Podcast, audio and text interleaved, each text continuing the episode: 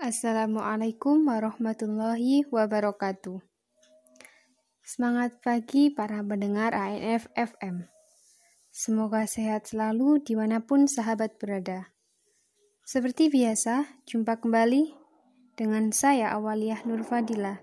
Di sini akan menemani sahabat selama 30 menit ke depan. Setelah pekan lalu kita sudah membahas tentang ikhlas, kira-kira pekan ini kita akan membahas apa ya?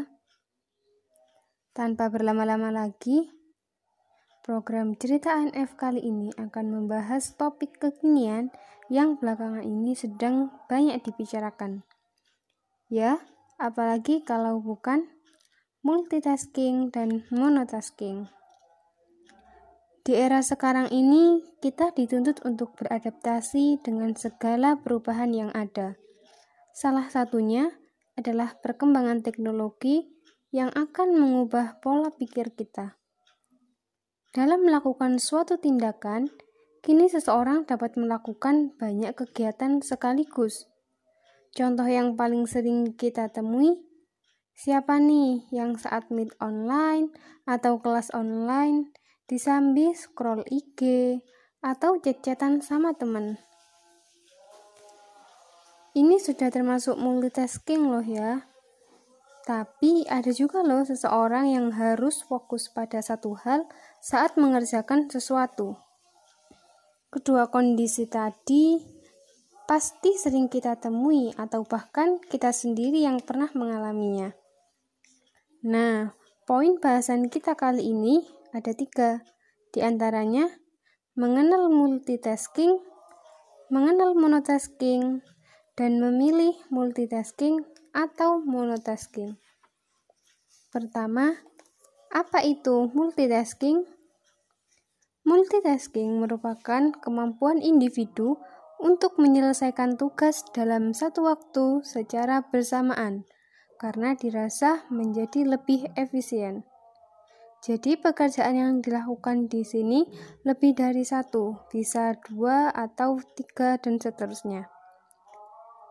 Pekerjaan atau tugas yang dilakukan biasanya pekerjaan yang sudah biasa atau sudah sering untuk dikerjakan. Seseorang akan secara sadar beralih dari satu tugas ke tugas lainnya dan mengerjakan pekerjaan lebih dari satu dengan pemusatan perhatian tugas yang terjadi dalam waktu singkat. Selanjutnya, saatnya berkenalan dengan monotasking. Monotasking yaitu tindakan melakukan satu tugas atau aktivitas saja dengan penuh perhatian dalam satu waktu. Tujuannya agar dapat mengerjakan tugas atau aktivitas dengan lebih efektif.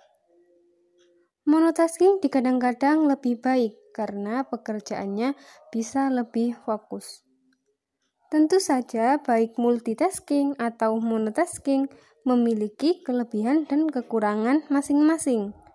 Ketika sahabat memilih multitasking, maka harus siap untuk memusatkan perhatian pada lebih dari satu objek.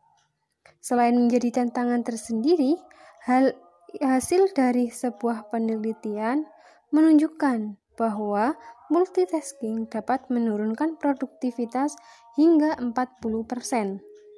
Lantas, Bagaimana dengan monotasking? Bagi sahabat yang merasa susah untuk fokus dalam mengerjakan banyak hal dalam satu waktu, maka dapat memilih monotasking. Apabila diminta memilih antara multitasking atau monotasking, sahabat dapat menyesuaikannya dengan kondisi dan kebutuhan masing-masing. Sekian untuk pekan ini. Saya Awaliyah Nur Fadila pamit undur diri. Sampai jumpa di cerita ANF pekan depan.